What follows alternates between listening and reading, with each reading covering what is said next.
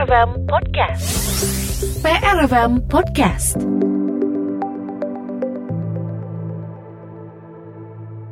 Dari kawasan Jam Braga nomor 5 Kota Bandung di 107,5 PRFM News Channel Pendengar PR, saya sudah bersama Kepala Seksi Angkutan Kota Dinas Perhubungan Kota Cimahi, Pak Ranto Sitanggang uh, Menyikapi rute baru angkot ini ya di Kota Cimahi Selamat malam Pak Ranto Selamat malam Kang Toto Apa kabar sehat Pak Ranto?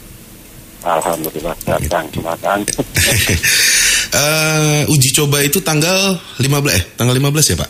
Enggak, rencananya uji coba uh, kemarin uh, barusan saya sudah ralat ke Tribun uh, untuk uji coba itu tanggal 22 sampai dengan tanggal 26 selama lima hari. 26 Juli ini ya? Iya. Oh oke. Okay. Berarti sekarang masuk tahap sosialisasi gitu?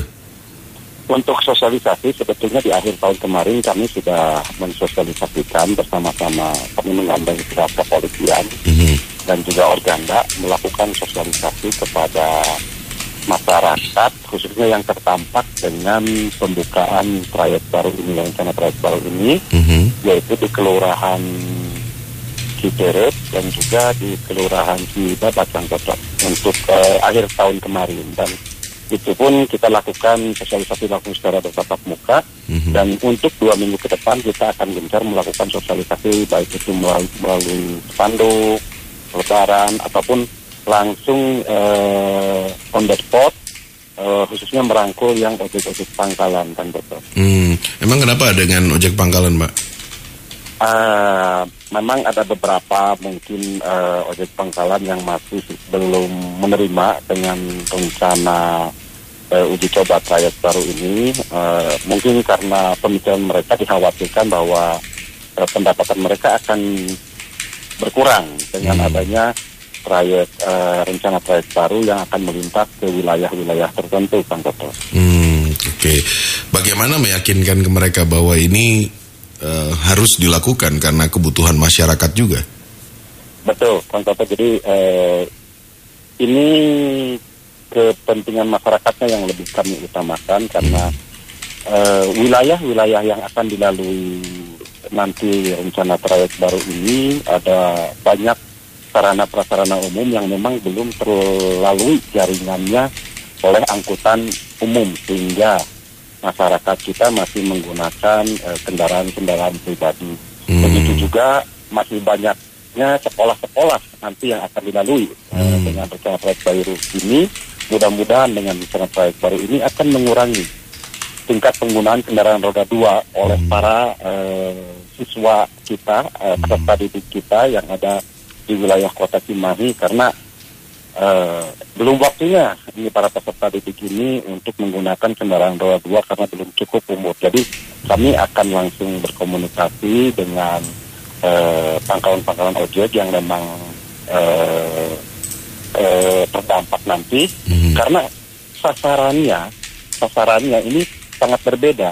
Kalau hmm. untuk pangkalan ojek ini kan sasarannya kan biasanya dari pangkalan itu langsung ke pemukiman-pemukiman ke rumah-rumah. Hmm. Nah, kalau untuk uh, trayek angkutan ini dia kan uh, tidak uh, ke pemukiman-pemukiman akan tetapi memang melalui uh, jalan dengan status kota begitu hmm, kota. Jalur kota begitu ya. Betul. Ya kalau kemungkinan ke dalam mereka sebetulnya tinggal jalan. saya nggak tahu tinggal Betul. jalan atau memang naik opang lagi. Nggak tahu saya kalau. Oke. Okay. Ya, uh, ya ini sih saya cukup cukup ini ya cukup tertarik dengan rute baru ini karena karena kan kita punya satu masalah untuk uh, transportasi umum khususnya angkot begitu ya Pak Ranto Betul. ya. Satu sisi katanya angkot sudah terlalu banyak, tapi pendapatan oh. mereka nggak banyak juga karena karena mungkin uh, harus bersaing dengan yang lainnya. Uh, kemudian Betul. beralasan soal pelayanan nggak bisa maksimal ya, iya gimana mau maksimal karena pendapatannya segitu katanya begitu ya. Jadi yang keluar harusnya 100 hanya cuma 30, 50 dan sebagainya. Nah sepertinya memang buka jalur baru itu adalah salah satu solusi salah satu, begitu ya. Betul. Salah satu solusi untuk meluaskan itu. Sementara jumlah angkotnya nggak nambah kan Pak? Ya, saya mohon penegasan aja, jadi nggak ada penambahan jumlah angkot, tapi jadi, uh, mengalirkan ya. angkot yang dari beberapa rute aja kan? Iya, jadi sebetulnya begini kan Toto. Hmm. Uh, ide ini muncul awalnya mungkin karena dipicu eh, banyak eh, munculnya moda transportasi baru Kang Toto. Hmm. Nah, seperti eh, kalau kita bilang angkutan sewa khusus atau taksi online ya. Mhm. Nah, kemudian ojek online. Kan dulu kan ramai ya Kang Toto ya. Kalau Iya. kita tarik flashback mundur ke belakang, ternyata dengan kemunculan eh, moda transportasi baru ini yang sifatnya aplikasi, eh, itu dirasakan oleh para pemilik ataupun pengusaha angkutan perkotaan ini eh, sangat drastis menurunkan eh, pendapatan mereka. Hmm. Nah, berkaca dari situ dan juga kami berdasarkan hasil kajian ternyata memang ada jaringan jalan yang memang belum terlintasi dan di Hmm. situ banyak sarana prasarana umum, eh, sarana publik yang belum terlintasi jaringan eh, angkutan umum akhirnya kita mencoba untuk menghidupkan kembali ini Hmm. teman-teman para supir angkot ini khususnya trayek lokal ya kan Bapak ya Mhm. karena kan dinas perhubungan itu kan berbicara lokalan Iya, untuk iya. dinas perhubungan kabupaten kota. Mhm. Jadi kami berupaya untuk meningkatkan kembali, menghidupkan kembali eh, teman-teman angkutan kota ini dan juga ing- ingin mengubah eh, paradigma masyarakat atau stigma masyarakat supaya beralih dari penggunaan kendaraan pribadi menjadi kepada kendaraan umum dan Iya. ini pun mau tidak mau otomatis nantinya akan berdampak kepada penurunan kemacetan di ruas-ruas jalan tertentu di wilayah kota Cimahi Kang Toto. Iya, saya ingin tahu sebetulnya bagaimana di sub juga bisa menangani masalah sosial yang ada. Artinya kan eh, persoalan eh, jalan atau rute baru, oh jangan-jangan sudah ada rutenya orang lain di situ ya. Tanda kutip loh ya, Pak Ranto ya. Artinya eh, bersinggungan dengan ojek pangkalan, bersinggungan dengan beca dan sebagainya begitu ya. Nah, saya ingin tahu formulanya eh, di sub Cimahi untuk eh, melakukan pendekatan ini ke mereka begitu kan ya karena mulai dari berapa pangkalan yang ada di sana kemudian treatmentnya seperti apa karena eh, harusnya pola penambahan rute ini juga bisa dilakukan di beberapa kota kabupaten lain ya kan Betul, Kang Hmm, Toto. gimana gimana Pak Ranto nih Jadi begini, Kang Toto, eh, kita sudah identifikasi ada empat eh, empat eh, lokasi titik pangkalan eh, ojek, ya kan, Hmm. Kang Toto. Eh, setelah kita identifikasi ada empat, cuman mungkin yang yang lebih eh, banyak apa yang lebih intens mungkin penolakannya itu di pangkalan Kamarung, Kang Toto. Cuma di mana Pak itu eh, dari pangkal, eh, pangkalan Kamarung, pertigaan Kamarung Citerit, Kang Toto. hmm. Nah, sebetulnya jarak eh, ang, trayek angkutan yang memasuki Kamarung ini hanya 500 meter kan Bapak sebetulnya. Hmm. Jadi sebetulnya tidak terlalu berpengaruh signifikan. Nah, penjelasan ini yang kami sampaikan karena ketika sosialisasi itu kami mengundang ojek-ojek pangkalan dan juga Hmm. kami mengundang trayek-trayek yang bersinggung bersinggungan kan Toto. Mhm. Nah, dan kami menjelaskan di situ. Jadi, kalaupun memang ada penolakan atau saran, mungkin ketika sosialisasi kemarin bisa langsung disampaikan kepada kami. Mhm. Nah, cuman ketika pada sosialisasi kemarin memang banyak pertanyaan.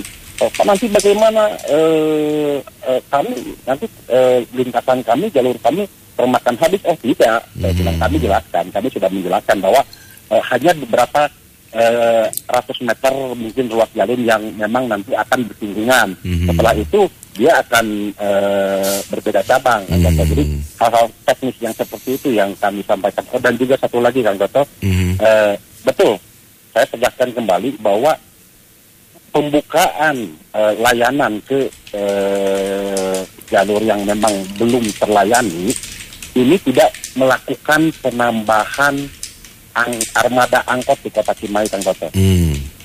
Jadi eh, selama ini dari tahun 2006 berdasarkan SK Wali Kota bahwa jumlah angkot di kota Cimahi itu 403 unit Mhm. yang terbagi dalam tiga trayek lokal. Iya. Nah, dengan rencana uji coba ini, kami memindahkan sebagian armada dari tiga trayek lokal tersebut ke rencana eh, trayek yang baru ini, Kang Toto. Jadi sama sekali tidak ada penambahan armada. Di Yang berapa masing-masing dipindahkan, Pak? eh, ya, yang ada adalah distribusi armada dari tiga trayek lokal tersebut. Jadi eh, karena di tiga trayek lokal existing ini sudah overload, Mhm. akhirnya kami eh, coba dengan uji coba eh, rute baru ini, trayek baru ini, untuk uji coba nanti tanggal 22 sampai dengan tanggal 26 Juli ini, kita uji cobakan dulu sebanyak, sebanyak 15 unit Toto. Oh, Jadi 15 dari masing-masing trayek lokal itu kita ambil 5 unit. Dan ini Hmm. hal- sudah hasil kesepakatan ketika pembahasan kemarin rapat uh, dengan stakeholder terkait hari Jumat kemarin. Hmm, Oke, okay. namanya uji coba begitu ya Pak ya ini ya. Betul. Uh, ditandai dengan apa? Warna atau nomor atau apa untuk? Karena mungkin warna kan harus ngecat ulang. Untuk untuk penanda penanda kita akan menyiapkan mungkin dengan ada uh, label yang akan kita tempelkan hmm. uh, di unit armada tersebut uh, untuk uh, memperjelas kepada masyarakat bahwa ini kita lakukan uji coba. Okay. Kita mungkin dengan spanduk kecil yang akan kita tempel-tempelkan di depan belakang kemudian di samping kendaraan. Nah karena sifatnya masih uji coba kan kata ya belum belum finalisasi. Yeah. Uh, untuk warna itu nanti setelah kita melihat hasil uji coba, kemudian kita lakukan evaluasi dan ternyata masyarakat eh, banyak yang eh, apa namanya berminat, kemudian juga load faktornya, mm-hmm. load faktor penumpang juga rata-rata 70% ke atas, ya kemungkinan akan kita tindak lanjuti dengan penetapan dan kita akan membicarakan masalah warna kendaraan, iya. kemudian yeah. kode trayek dan sebagainya. Oke. Okay. Kita ke jalur Pak yuk. Eh, boleh ya Pak ya, Pak Ranto ya ke jalur yang dilintasi dari mulai terminal Cemindi dan ke mana lagi Pak ini? Ah, jadi eh, rutenya adalah Citerep via, uh, via Pemkot menuju ke terminal Cimindi Kang. Jadi kalau dari Citerep itu udah jelas kita arah jalan Citerep Kang. Mm-hmm. Di, mhm. di sana ada sarana publik yaitu Puskesmas Citerep, kemudian ada Kelurahan Citerep. Jadi bagi masyarakat yang memang mau ke Puskesmas atau kelurahan sekarang sudah ada angkutan publik, uh, angkutan angkutan umum. Mm-hmm. itu di mana? Uh, mangkalnya nanti di mana itu? Uh, di titik pertamanya di Citerep Kang dulu ada subterminal uh, terminal Kota Cimahi yang terminal tipe C yang di Citerep Kang pasar Citerep. Oh di pasar Citerep itu ada ter, sedikit ada ruang buat terminal ya? Ada ruang untuk terminal dan memang dulu aktif oh. terminal tipe C ini. Sekarang nah, enggak? Sekarang sekarang dinonaktifkan, kemarin-kemarin dinonaktifkan karena masih ada kendala. Nah hmm. sekarang akan kita coba aktifkan kembali dan mudah-mudahan ini juga uh, menambah uh, ya retribusi terminal untuk peningkatan PAD khususnya hmm. di bidang uh, retribusi terminal Kang Toto. Dekat pasar Citerep berarti ya? Pas di Citerep pasar Citerepnya Pasar Citerep oke okay, oke. Okay. Nah kemudian ya. dari situ? Kemudian masuk ke Jalan Sangkuriang sedikit, kemudian uh, masuk ke jalan Citerep atau Insek Kartawiria ya kalau uh, jalan uh, sekarang mm-hmm. itu ada beberapa fasilitas umum seperti kantor BPN, mm-hmm. uh, kemudian ada puskesmas Citerep, kemudian juga ada kelurahan Citerep. Kemudian masuk ke arah kiri itu ke wilayah Jalan Camarung kurang lebih 500 meter di situ ada kantor Kementerian Agama dan sekolah juga. Kemudian Maaf Pak, ini Citerepnya ke bawah atau ke atas Pak, punten? Ke, eh, Citerepnya ini ke atas dulu kan ke arah kantor kelurahan Citerep. Oh kantor kelurahan, oke oke oke oke. Iya. Siap siap ke atas dulu ya, jadi masuk ke okay. Encep Kartawirya. Encep Kartawirya, kemudian masuk ke arah Jalan Kamarung Kak. Kamarung, oke. Okay. Kamarung ini kurang lebih eh, jaraknya hanya 500 meteran kan. Mm -hmm. Kemudian belok ke kanan gitu ke arah Jalan Permana Barat dan Permana Timur. Mm -hmm. Itu ada beberapa sekolah Kang, SMK Tiga Kuria, kemudian mm -hmm. 16 Kamarung. Mm-hmm. Nah ini kan tingkat penggunaan kendaraan roda dua oleh peserta uh, didik uh, yeah. uh, anak-anak kita masih tinggi kan penggunaan kendaraan roda dua. Nah mudah-mudahan dengan dengan adanya angkutan umum, angkutan publik yang lewat ke sana itu bisa mengurangi kang. Mm-hmm. Nah, kemudian dari Permana itu turun ke bawah kan ke Jalan Sukarasa dan uh, Jalan Sukarasa sama Ciawi Tali kang. Oke. Okay. Di sini banyak perumahan-perumahan, ada beberapa perumahan dan juga ada SD Nurul Aulia, kemudian ada SLBA Kota Cimahi kan. Mohon, mohon. Uh, kemudian turun ke Ciawi Tali, ada beberapa perumahan juga, ada kolam renang Ciawi Tali. Mm -hmm. Kemudian nanti masuk ke wilayah jalan pemerintah Kota Cimahi.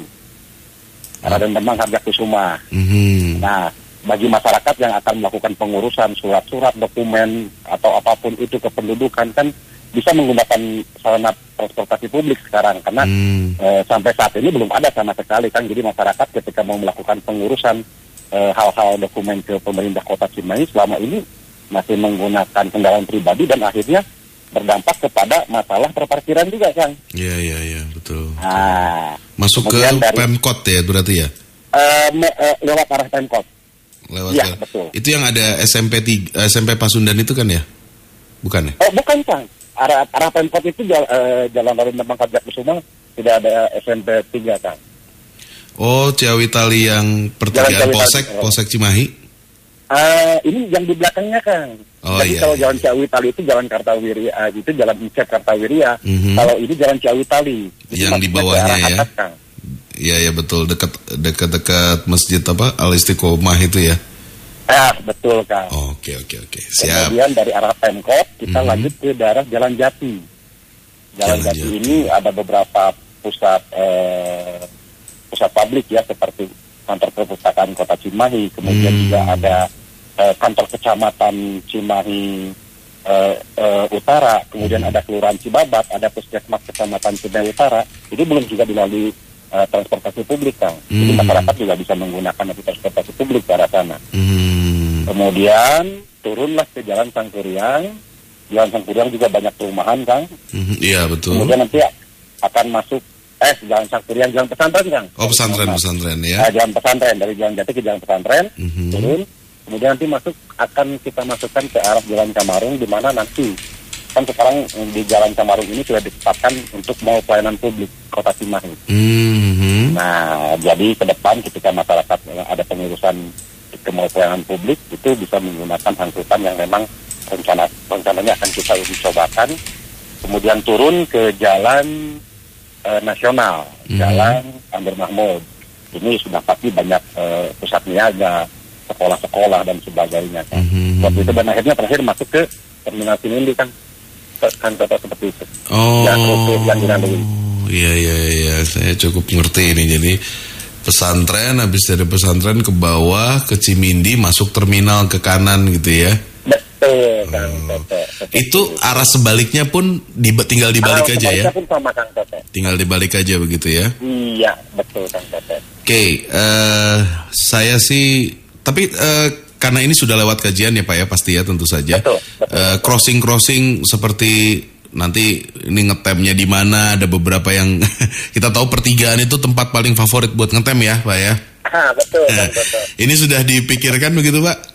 Sudah Kang Tete Sudah, ya. eh, apa eh, tempat eh, mereka ngetem Mhm. dan karena ini cobannya pun tidak terlalu banyak eh, Mhm. dan uji coba ini diawasi, dipantau langsung dimonitor oleh petugas gabungan dari dinas perhubungan dibantu dengan TNI dan kepolisian juga kan. Mhm. eh, di titik-titik pantau yang memang kita sudah sudah siapkan ada tujuh titik pantau Mhm. khususnya di daerah crossing-crossing yang seperti Kang Toto tadi sampaikan Mhm. Eh, mudah-mudahan ketika ada pengaturan time trip eh, yang jelas kami juga sudah sampaikan secara tegas kemarin kepada tiga proyek angkutan yang akan kita ambil armadanya masing-masing lima Mhm. masalah time trip ini kan menjadi permasalahan karena terlalu banyak ngetem akhirnya banyak Iya. keterlambatan misalnya Mhm. anak-anak kita yang mau sekolah karena angkutan kota kebanyakan yang ngetem nunggu penuh akhirnya banyak yang terlambat nah ini yang menjadi penekanan kami kepada teman-teman pengusaha angkutan ini Tarif Pak, berapa Pak tarifnya?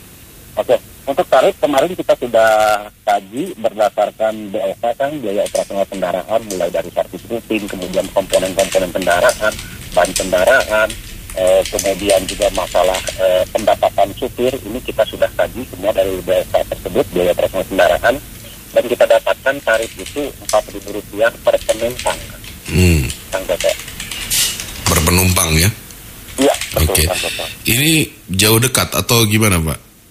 Oh, eh, itu ja- ja- itu jarak dari eh, Jarak paling jauh ya? titik awal sampai Mhm. titik akhir. Hmm, Nah, dari titik awal Cipirut ke titik akhir eh, eh, Cinindi Mhm. dan begitu juga dari Cinindi ke titik akhir Cipirut ini sebesar Rp4.000 per penumpang dan itu kita sudah sampaikan dan disepakati kemarin mhm. eh, bersama para pengusaha angkutan dan juga ketua apa ketua-ketua KKU dan juga Organda ya adalah oleh Organda. Mhm. Jadi empat ribu rupiah per penumpang per trip bukan per rate ya kan per Hmm. trip.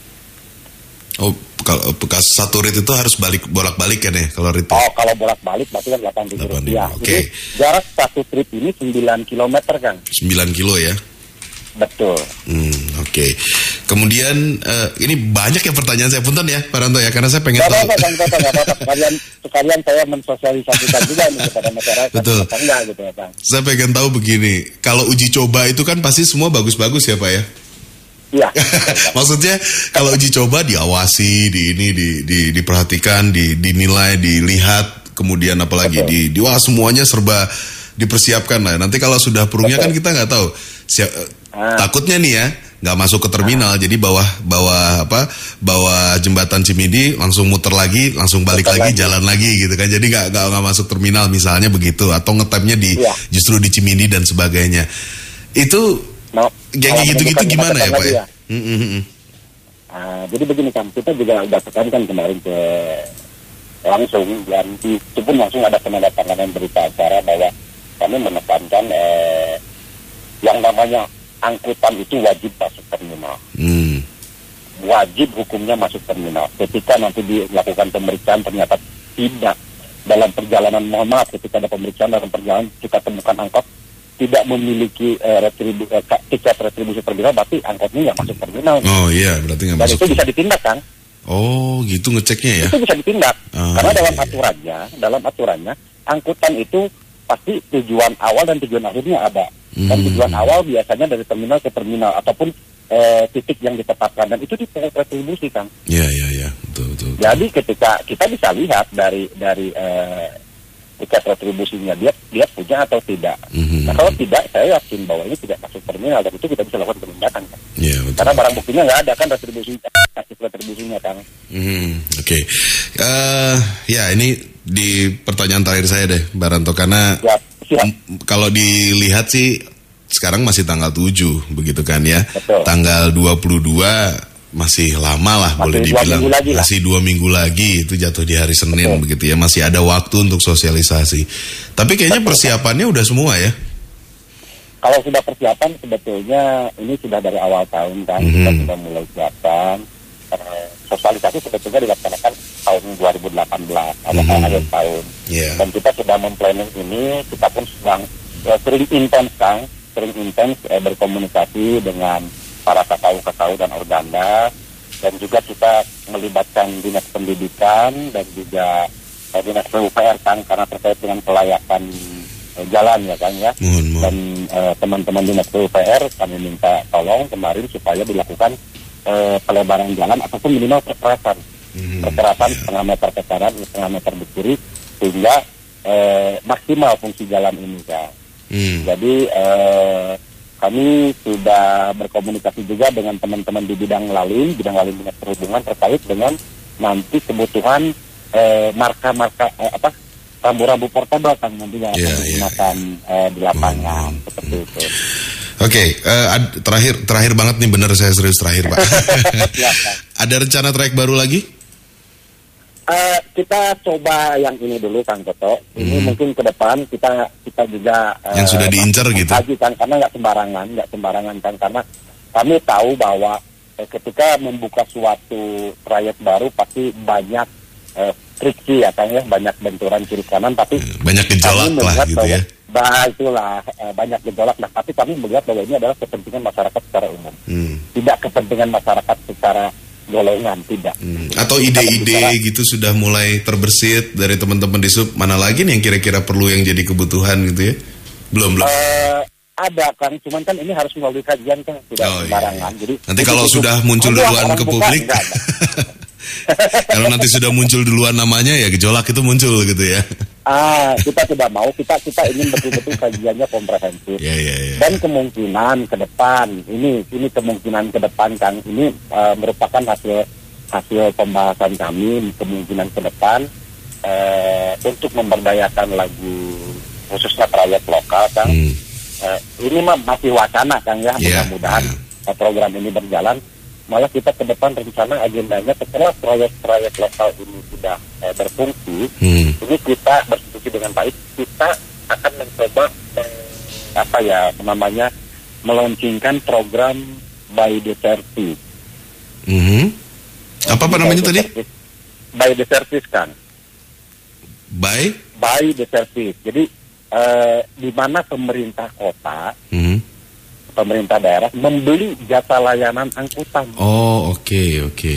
Jadi eh, angkutan nanti tidak usah lagi harus ngejar setoran, Iya, harus iya, ngetem iya. lama dan Hmm. sebagainya.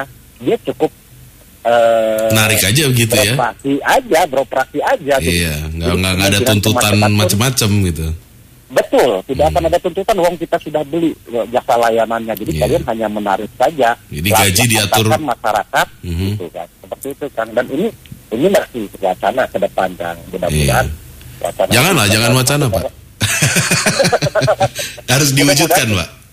Kalau ini terrealisasi kan sangat amat membantu kelancaran arus lalu lintas karena tidak akan ada lagi kita temui angkot Iya. yang ngetem. Iya, betul, Gitu betul. loh, Kang Toto. Oke, eh, nanti kita diskusi lagi di PRFM sambil menunggu tanggal 22 kita bantu juga eh, sampaikan kepada warga masyarakat Cimahi ya. Oke, Siap, terima siap. kasih Kang Toto. Terima kasih waktunya Pak Aranto. Selamat malam Pak Aranto. PRFM Podcast. Jangan takut ketinggalan.